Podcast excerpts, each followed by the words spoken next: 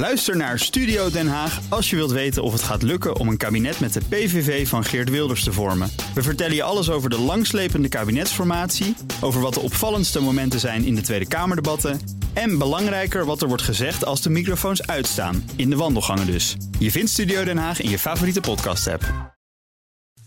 De column van Marianne Zwagerman.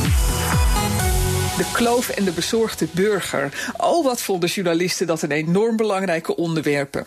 Tot de kiezer zijn hielen had gelicht in het stemhokje en iedereen weer overging tot de orde van de dag. Behalve de Telegraaf. De krant ploeterde door duizenden pagina's politieverslagen heen, die justitie onder het tapijt probeerde te vegen. De politietop bood zelfs een zwijgdeal aan, maar dankzij een WOP-procedure kon de redactie van de Wakkere Krant vrijdag dan toch bewijzen dat ze gelijk hadden, met hun schreeuwende krantenkoppen over asieltuig eerder dit jaar. Er trekt een meute rovende migranten door Nederland, die misbruik maakt van de asielprocedures.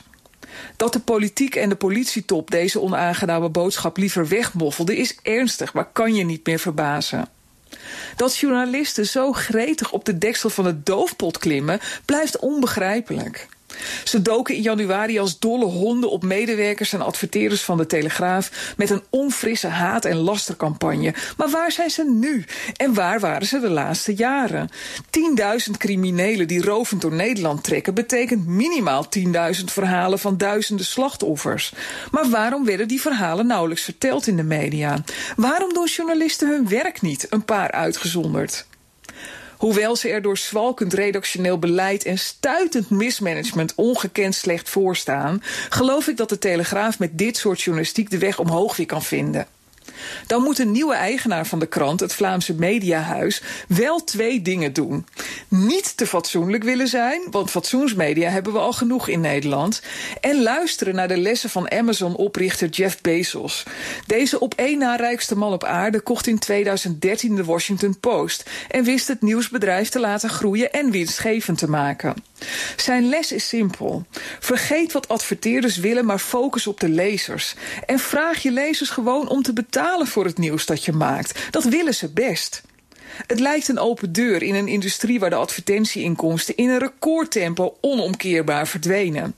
Maar de CEO van het Mediahuis leuterde vorige week op een congres toch weer over oplossingen voor adverteerders en big data in de strijd tegen Google en Facebook. Allemaal prachtig, maar ga eerst de lezers terughalen en laten betalen. Dat willen ze best. Echt. Ook Diana Matroos vind je in de BNR-app. Ja, inderdaad. Je kunt live naar mij luisteren tijdens de Big Five. Ook handig in de BNR-app. Breaking nieuwsmeldingen, maar ook het allerlaatste zakelijke nieuws. En je vindt in de app alle BNR-podcasts, waaronder Wetenschap Vandaag. Download nu de gratis BNR-app en blijf scherp.